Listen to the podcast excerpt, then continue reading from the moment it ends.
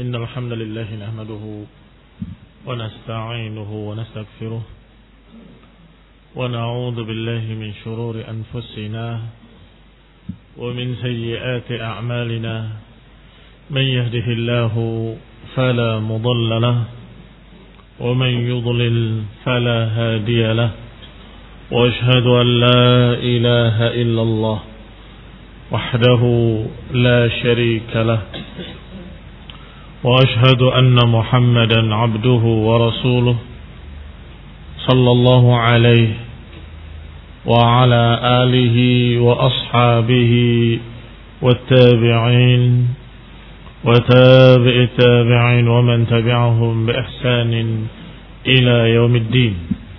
يا أيها الذين آمنوا اتقوا الله حق تقاته ولا تموتن إلا وأنتم مسلمون. يا أيها الناس اتقوا ربكم الذي خلقكم من نفس واحدة وخلق منها زوجها وبث منهما رجالا كثيرا ونساء واتقوا الله الذي تساءلون به والأرحام إن الله كان عليكم رقيبا يا أيها الذين آمنوا اتقوا الله وقولوا قولا سديدا يصلح لكم أعمالكم ويغفر لكم ذنوبكم ومن يطع الله ورسوله فقد فاز فوزا عظيما. أما بعد فإن خير الحديث كتاب الله. وخير الهدي هدي محمد صلى الله عليه وعلى آله وسلم. وشر الأمور محدثاتها فإن كل محدثة بدعة وكل بدعة ضلالة وكل ضلالة في النار. الله يهديكم.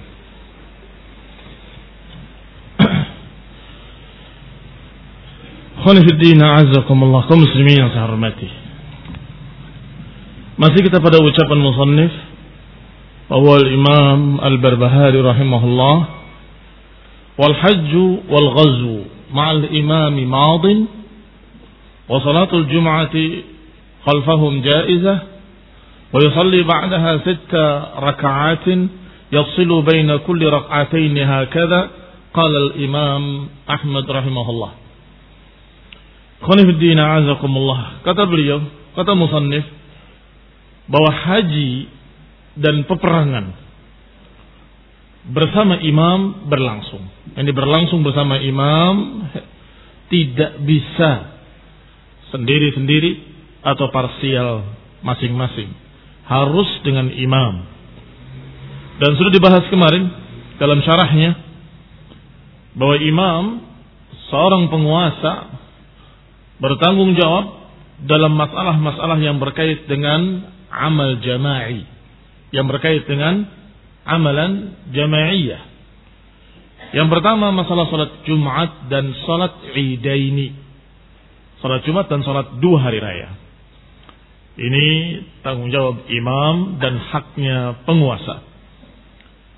Yang kedua, pengurusan haji. Kaum muslimin yang ada di bawah kekuasaannya juga tanggung jawab penguasa. Yang ketiga, al-jihad, peperangan. Apakah perang atau damai? Apakah melawan atau bertahan? Apakah akan mengadakan perjanjian gencatan senjata atau yang lainnya? Itu semua di tangan imam, di tangan penguasa. Sampai pada ucapan Syekh Shalal Fauzan hafizahullah. Fa iqamatul haji wal ghazwi wal jum'ati wal idain min salahiyati walil amr. Maka penegakan haji peperangan salat Jum'ah dan salat Idain itu merupakan salahiyat walil amr. Merupakan hak penguasa. Mereka yang mengaturnya. Dan mereka bertanggung jawab di hadapan Allah subhanahu wa ta'ala. Kemudian ucapan berikutnya dari musannif. Wa salatul jum'ati khalfahum jaizah. Dan salat Jumat di belakang mereka jaizah. Boleh. Ya ini maknanya sah. Salat Jumat di belakang mereka sah. Yani walau kana indahum fisqun. Kata Syekh Hafizahullah, yakni walaupun pada mereka ada kefasikan. Ada kefasikan. Walau kana indahum ma'asi. Walaupun mereka memiliki kemaksiatan-kemaksiatan. Kezaliman-kezaliman. Kalau mereka menjadi imam salat Jumat, maka salatnya tetap sah. Fa'innahu yusalla khalfahum. Maka tetap sholat di belakang mereka. Lianna fi salati khalfahum jam'an lil kalimah. Karena salat di belakang mereka merupakan jam'an lil kalimah, merupakan persatuan kebersamaan menghindari perpecahan. Kau muslimin yang saya hormati. Karena penguasa adalah pemersatu. Sejelek-jelek penguasa, selama dia masih muslim, maka dia memiliki hikmah yaitu kebersamaan seluruh kaum muslimin di bawah satu penguasa. Dan itu tidak bisa dibandingkan dengan yang lainnya bersama perpecahan. Artinya kata para ulama rahimahumullah bahwa apa yang kalian tidak sukai ma'al jamaah khairun. Apa yang kalian tidak sukai bersama jamaah lebih baik daripada ma tuhibbuna ma'al furqah.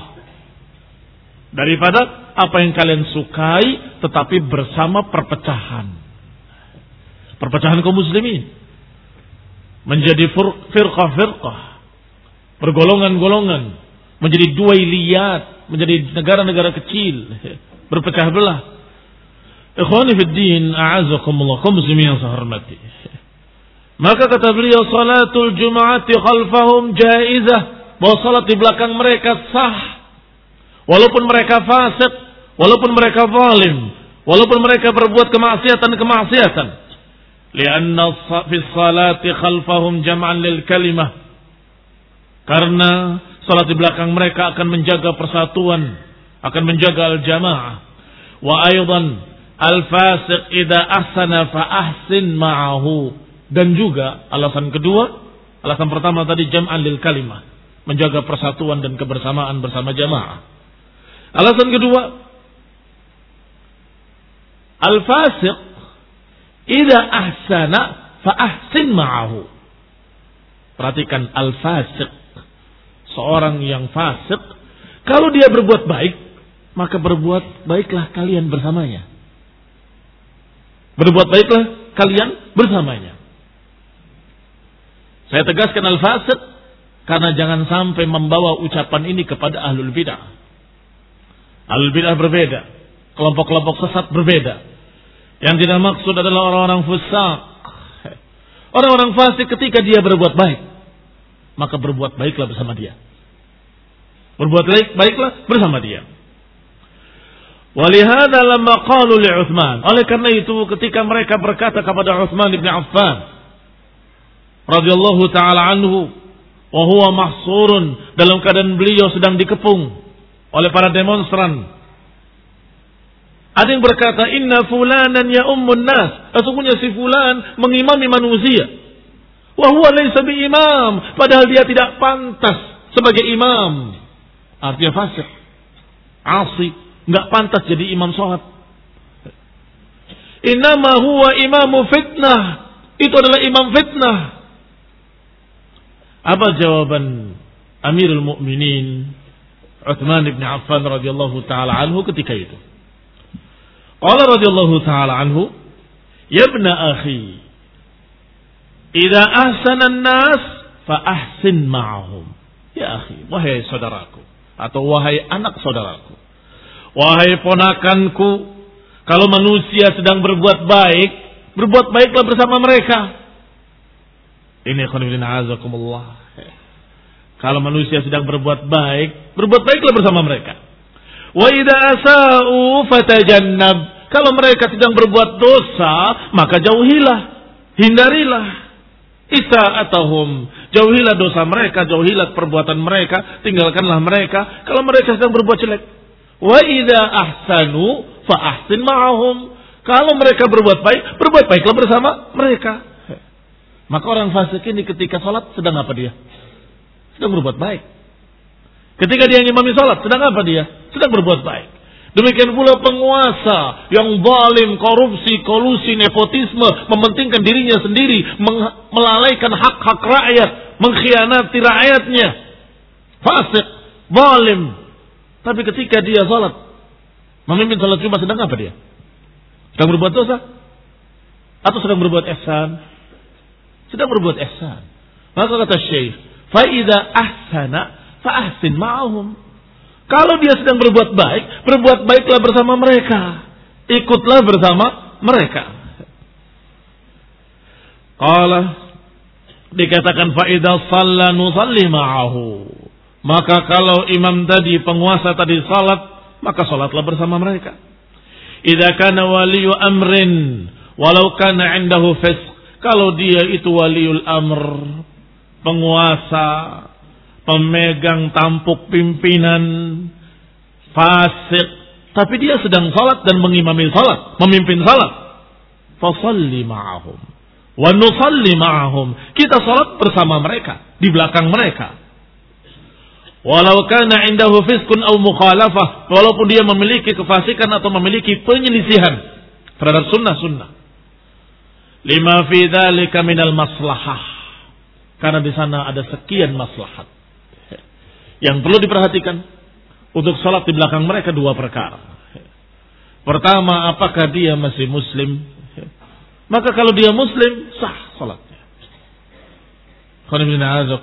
Itu masalahnya. Oleh karena itu khawarij, karena mengkafir-kafirkan penguasa, akhirnya mereka tidak mau salat di belakang mereka. Maka terjadilah apa yang terjadi. Perpecahan-perpecahan, pertikaian-pertikaian. Tetapi kalau kita melihat ciri-ciri keislaman secara zahir cukup.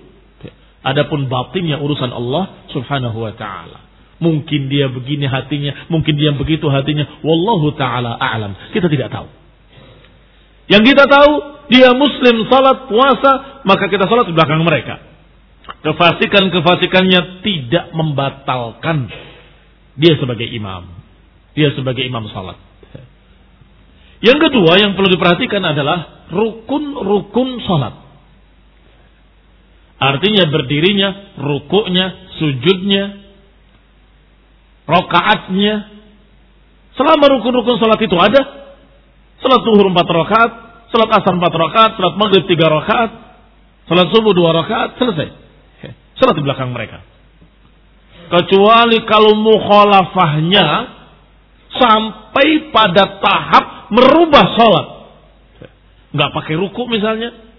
Atau nggak pakai sujud. Atau dalam keadaan dia dikurangi rokaatnya. Sholat zuhur tiga rokaat. Ila akhirnya. Maka sholatnya tidak sah. Maka kalau rukun-rukun sholatnya ada. Tapi dia bacaannya nggak karuan urusan dia sama Allah SWT. Kamu baca sendiri. Selesai. Kamu baca sendiri. Bagimu salat kamu, bagi mereka salat mereka. Sebagaimana ruwiya dengan sigatul tamrid karena memang e, riwayatnya bermasalah. Dikatakan dalam riwayat tersebut, Sallu khalfa kulli barin wa fajir. Salatlah di belakang setiap orang yang baik ataupun yang jelek maka buat mereka salat mereka dan buat kalian salat kalian. Sallu khalfa kulli barin wa fajir. Salat mereka untuk mereka, salat kamu untuk kamu. Artinya nilainya akan berbeda. Mungkin dia bacaannya nggak karuan dengan berbagai macam kesalahan, kebidaan, ditambah dikurangi, dah bagaimana kalimat-kalimatnya, tapi rukun-rukunnya benar. Rakaatnya benar. Maka salat di belakang mereka. Kamu baca. Bahkan kejadian ada seseorang yang lupa belum tohara. Selesai sholat, dia baru sadar. Maka dia pergi berwudu, memberitahu bahwa saya batal. Makmum tidak mengulangi. Sudah sah salatnya. Salat dia untuk dia, salat kita untuk kita. Dan itu dibahas dalam bab fikih tentunya. Tapi kembali kepada kitab kita.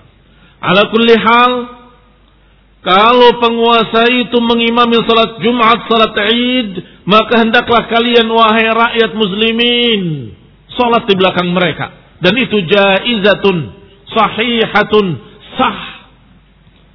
Lima fi dzalika minal maslahah. Karena di sana ada maslahat-maslahat.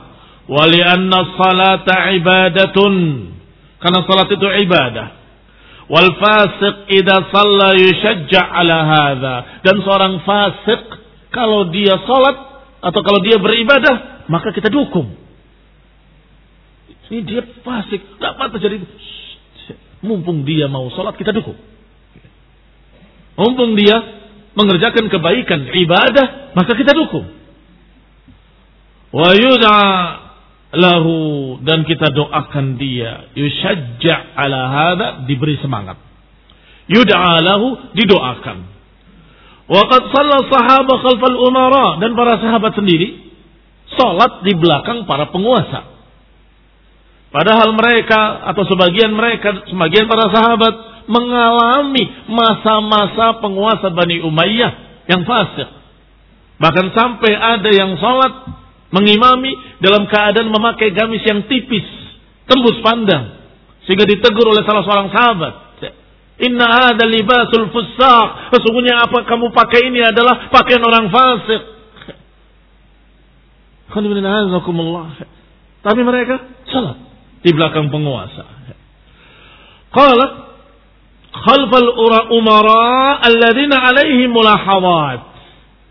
Mereka para sahabat tetap salat di belakang penguasa walaupun masih banyak kritikan-kritikan pada mereka, pada penguasa itu. Kal Hajjaj wa ghairihi, seperti Hajjaj bin Yusuf At-Taqafi dan lain-lainnya.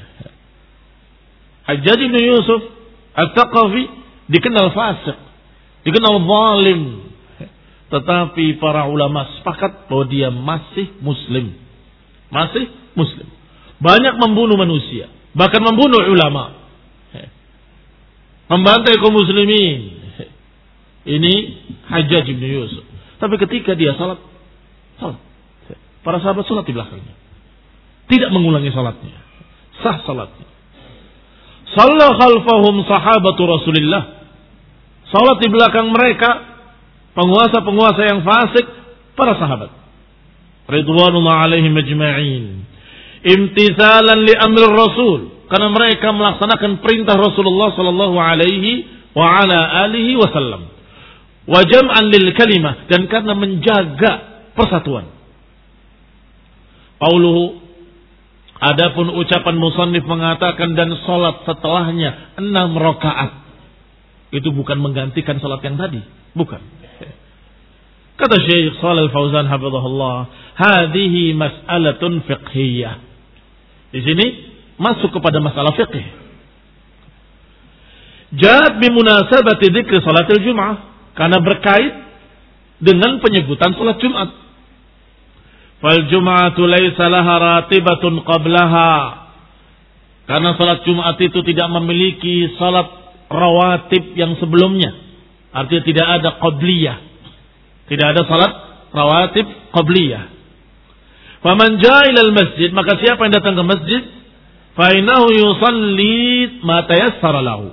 Siapa datang ke masjid, silakan dia salat apa yang dia mampu, apa yang dia mudah, wa yajlis. Kemudian duduk, menunggu imam datang. Wa ini istamarra fi salah, kalaupun mau meneruskan salat dua rakaat lagi. Salat lagi dua rakaat salat lagi dua rakaat sampai datang imam, itu juga jaiz. Datang salat duduk menunggu itu hasan. Datang salat kemudian salat kemudian salat kemudian salat sampai datang imam, fahada aidan hasan. Silahkan. Tetapi salat qabliyah setelah azan tidak ada. Kalau qabliyah setelah dikumandangkan azan tidak ada. Yahdurul imam fahuwa afdal. Kalau dia salat salat salat salat yang disebut dengan salatul intibar, salat menunggu, maka itu afdal, lebih afdal. Ala annahu naflun mutlaqun laisa lahu alaqatun bi salatil jum'ah. Tetapi perlu diketahui bahwa salat tadi salat nafilatun mutlaqah. Salat tambahan, salat sunnah yang mutlak, yang tidak berkait dengan apa pun. Dan itu salat nafilah Alhamdulillah. Dan diperbolehkan sholat tanpa alasan. Pengen sholat saja. Namanya sholat naflun atau nafilah mutlaqah. Tidak bolehnya hanya pada waktu-waktu tertentu ketika matahari tepat di atas kepala, ketika terbit matahari dan ketika terbenam atau hampir terbenam matahari. Ini yang dilarang. Karena tasyabuh dengan penyembah matahari. Kau muslimin yang saya hormati. Karena dia salat nafilatun mutlaqah atau naflun mutlak, maka tidak berkait dengan salat Jumat sama sekali.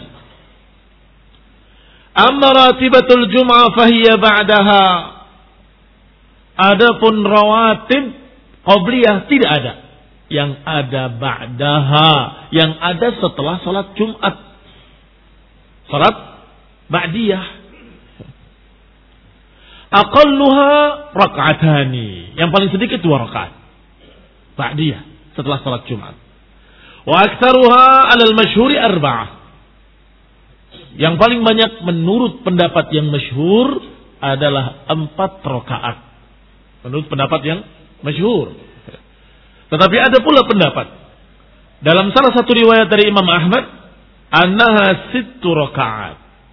Enam rakaat bisalah taslimat. Dengan enam kali apa dengan tiga kali salam. Enam rakaat dengan tiga kali salam. Dua salam dua salam dua salam. Taib berarti sita rakaat yang dimaksud bukan sekaligus enam rakaat dengan satu salam. Lah. Tapi sahih situ rakaatin bisalati taslimat. Enam rakaat dengan tiga salam yakuna aqalluha rak'ataini. Berarti yang paling sedikit dua rakaat yang paling banyak enam rakaat. Atau yang lebih masyhur dari pendapat para ulama adalah empat rakaat kama huwa masyhur. Qauluhu kata beliau selanjutnya yufassilu atau yafsilu baina kulli rak'ataini hakadha qala Ahmad bin Hanbal. Dipisahkan antara dua rakaat dua rakaat.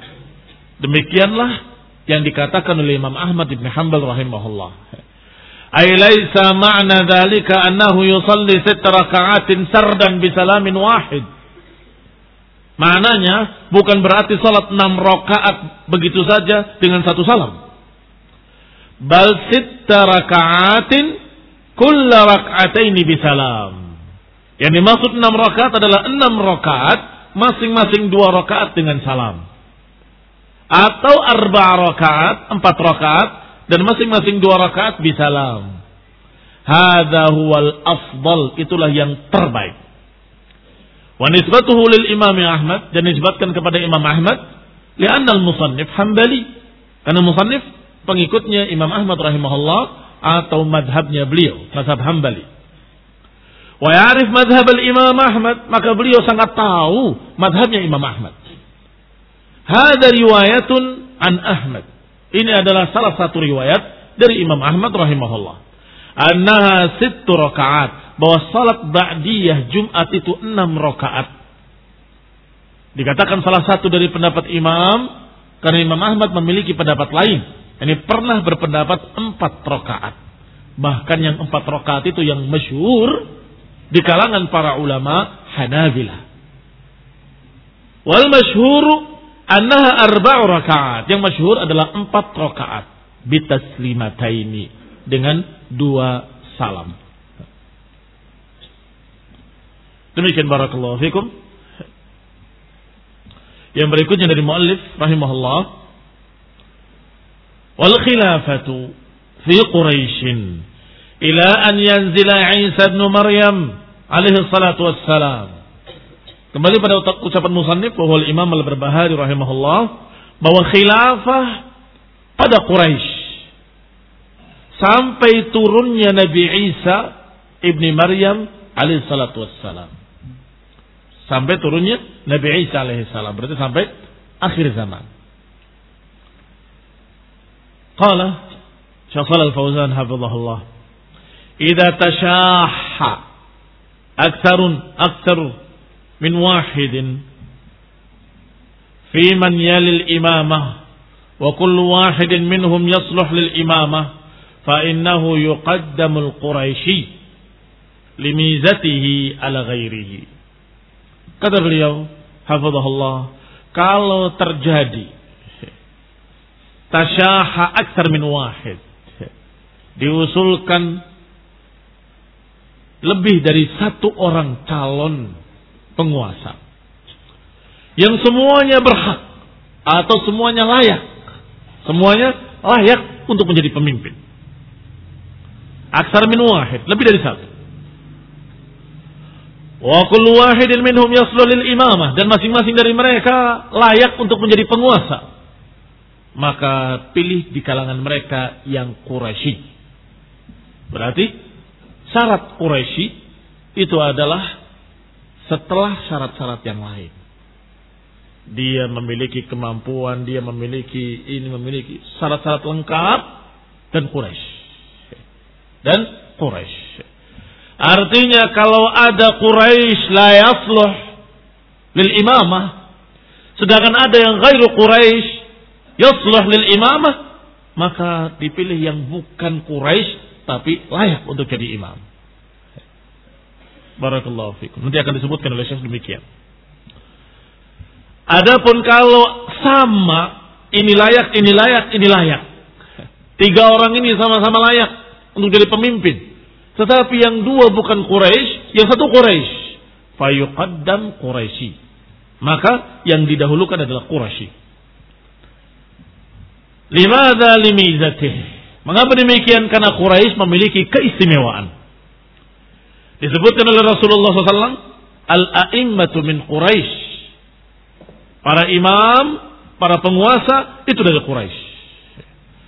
Bahkan dikatakan manusia ikut Quraisy yang baiknya ikut yang baiknya, yang jeleknya ikut yang jeleknya. Demikian pula dalam lafat-lafat lain. Artinya Quraisy memiliki sifat imamah atau yasluh atau pantas memiliki kemampuan untuk menjadi imam. Yang baiknya ikut Quraisy yang baik, yang jeleknya ikut Quraisy yang jelek. Ini yang mimpin kebaikan Masya Allah dari Quraisy. Ternyata yang memberi kejelekan dari Quraisy lagi. Ya wajar. Kenapa? Karena mereka memang memiliki keahlian dalam bidang itu, dalam bidang kepemimpinan.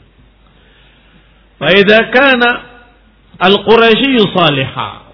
Maka kalau seorang Quraisy ini salihan, salihan bukan makna orang soleh, bukan. Maknanya cocok, layak untuk jadi pemimpin cocok, memiliki syarat-syarat untuk jadi pemimpin. Wahasrat musyahatun fiman famanilladzi atau fi famanilladzi yatawalla. Ternyata terjadi perselisihan. Ada beberapa calon dari mereka-mereka yang dikatakan ahlul halli wal aqdi. Ahlul halli wal aqdi yakni orang-orang yang memang pantas untuk bermusyawarah, majlis permusyawaratan. Menyalonkan dua atau tiga.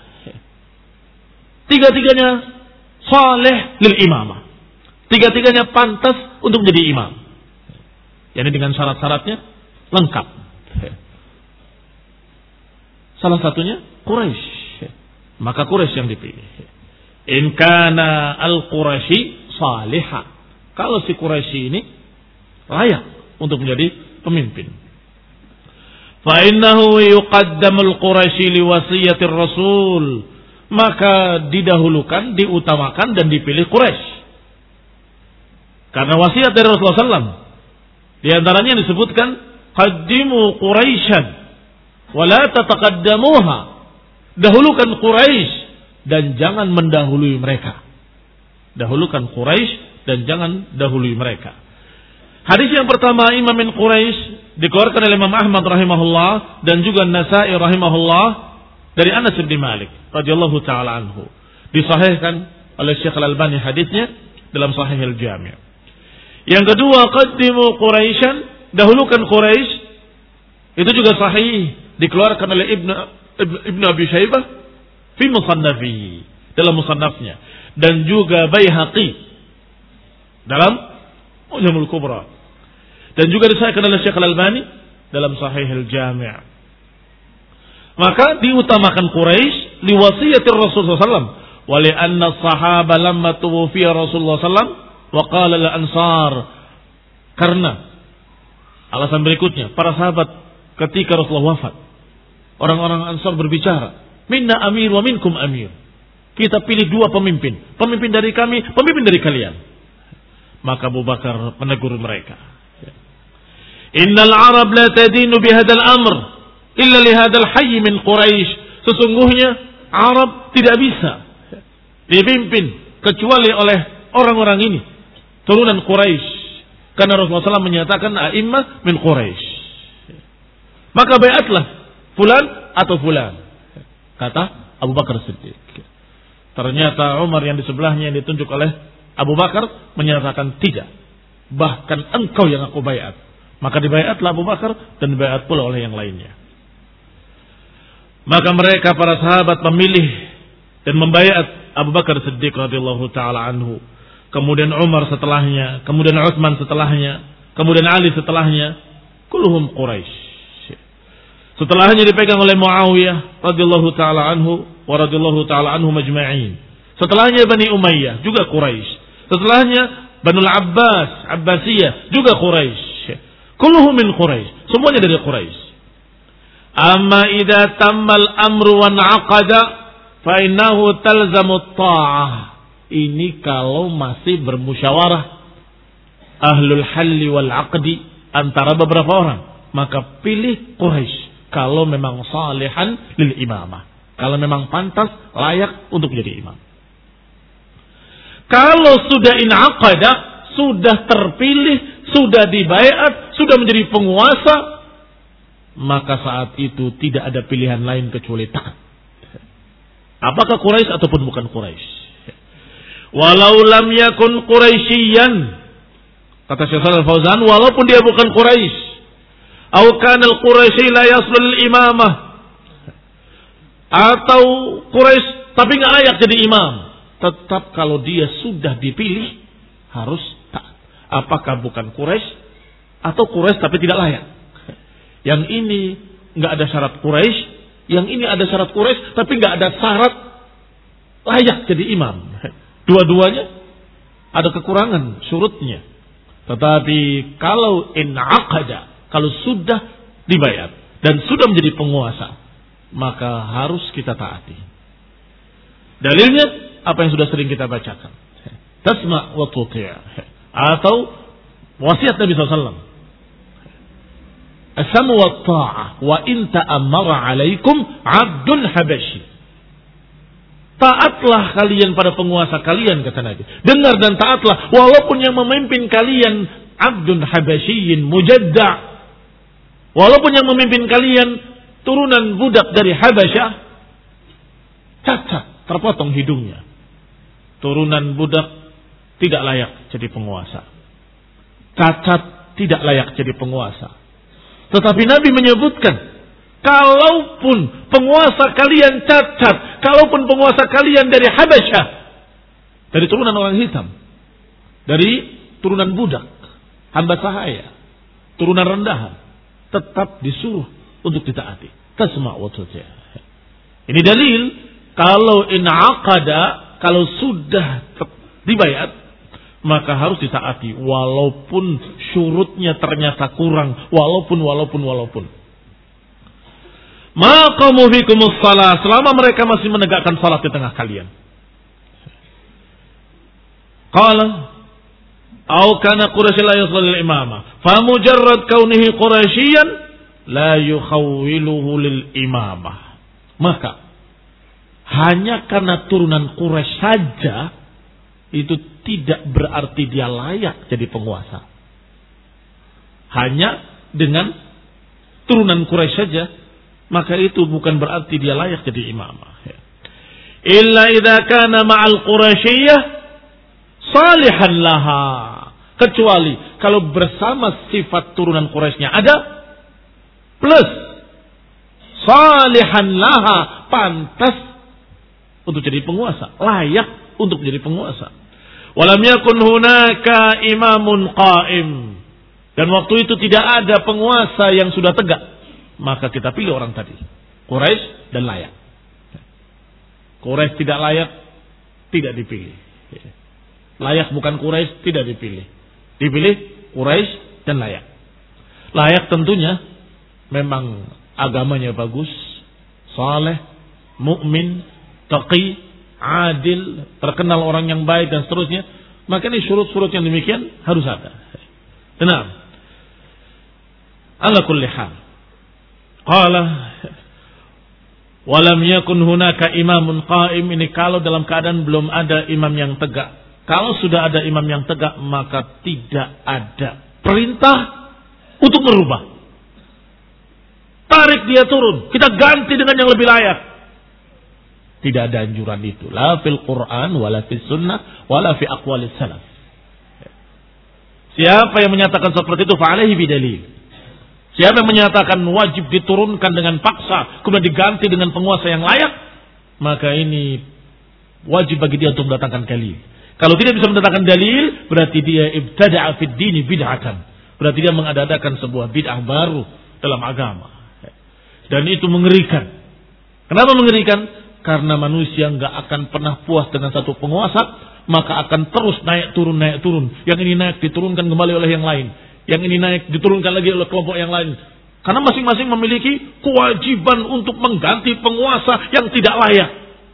Tidak demikian. Yang ada, bahkan bukan satu, bukan dua, bukan tiga, bukan sepuluh. Dua puluh lebih hadis yang memerintahkan untuk sabar menghadapi penguasa yang zalim. Artinya tidak layak jadi penguasa karena zalim. Fasik, tidak saleh, bahkan memiliki kekurangan-kekurangan atau dia habasyun mujadda, turunan budak, cacat hidungnya lagi, buta matanya sebelah, dituntun ke mana-mana, tidak ada perintah untuk memaksa menurunkannya diganti dengan yang baru. Tetapi yang ada adalah isbiru hatta talaqawni 'alal haud. Sabarlah sampai bertemu aku di telaga haud. Ila an yanzila Isa bin Maryam alaihi salatu wassalam sampai turunnya Nabi Isa ibni Maryam alaihi salatu wassalam. Ini isyarat bahwa Nabi Isa ketika turun imamnya ketika itu, penguasanya ketika itu adalah Muhammad ibni Abdullah yang dikatakan dengan Al-Mahdi. Imam Mahdi. Min Quraisy. Dari turunan Al-Hasan ibni Ali ibni Abi Talib radhiyallahu taala anhuma. Semoga Allah meridhai keduanya Al-Hasan dan bapaknya Ali bin Abi Talib. Fadalla ala anna akhir al-a'immah ini menunjukkan bahwa sampai akhir imam, imam terakhir di muka bumi ini Quraisy. Yaitu Muhammad bin Abdullah dari turunan Al Hasan ibn Ali min Quraisy.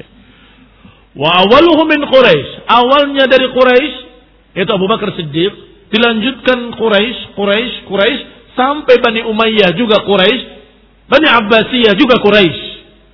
Sampai kemudian jatuh ke tangan selain Quraisy dan mulailah terjadi berbagai macam perpecahan dua lihat negara-negara kecil-kecil. Nah, sampai hari ini dan nanti akan bersatu kembali di bawah Quraisy juga. Wahada hasbal imkan kama karena dan ini adalah sesuai dengan kemungkinan, kemampuan sebagaimana kita sebut tadi. Wa idza ma wujida ahadu min Quraisy kalau tidak ada orang Quraisy maka tidak boleh dilalaikan kepemimpinan. Ini gak ada orang Quraisy, berarti gak perlu ada pemimpin. Wah ini salah. Tidak demikian. Mengapa? Karena yang namanya wilayah harus ada.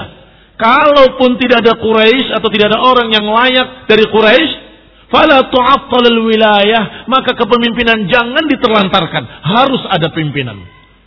Au idza bil amri ghairi Quraisy, atau kalau ternyata yang memegang pimpinan bukan Quraisy, wa kanat fihi salahiyah, ternyata dia memiliki kemampuan layak untuk memimpin, innana la nub'iduhu. Kita pun tidak menjauhkannya.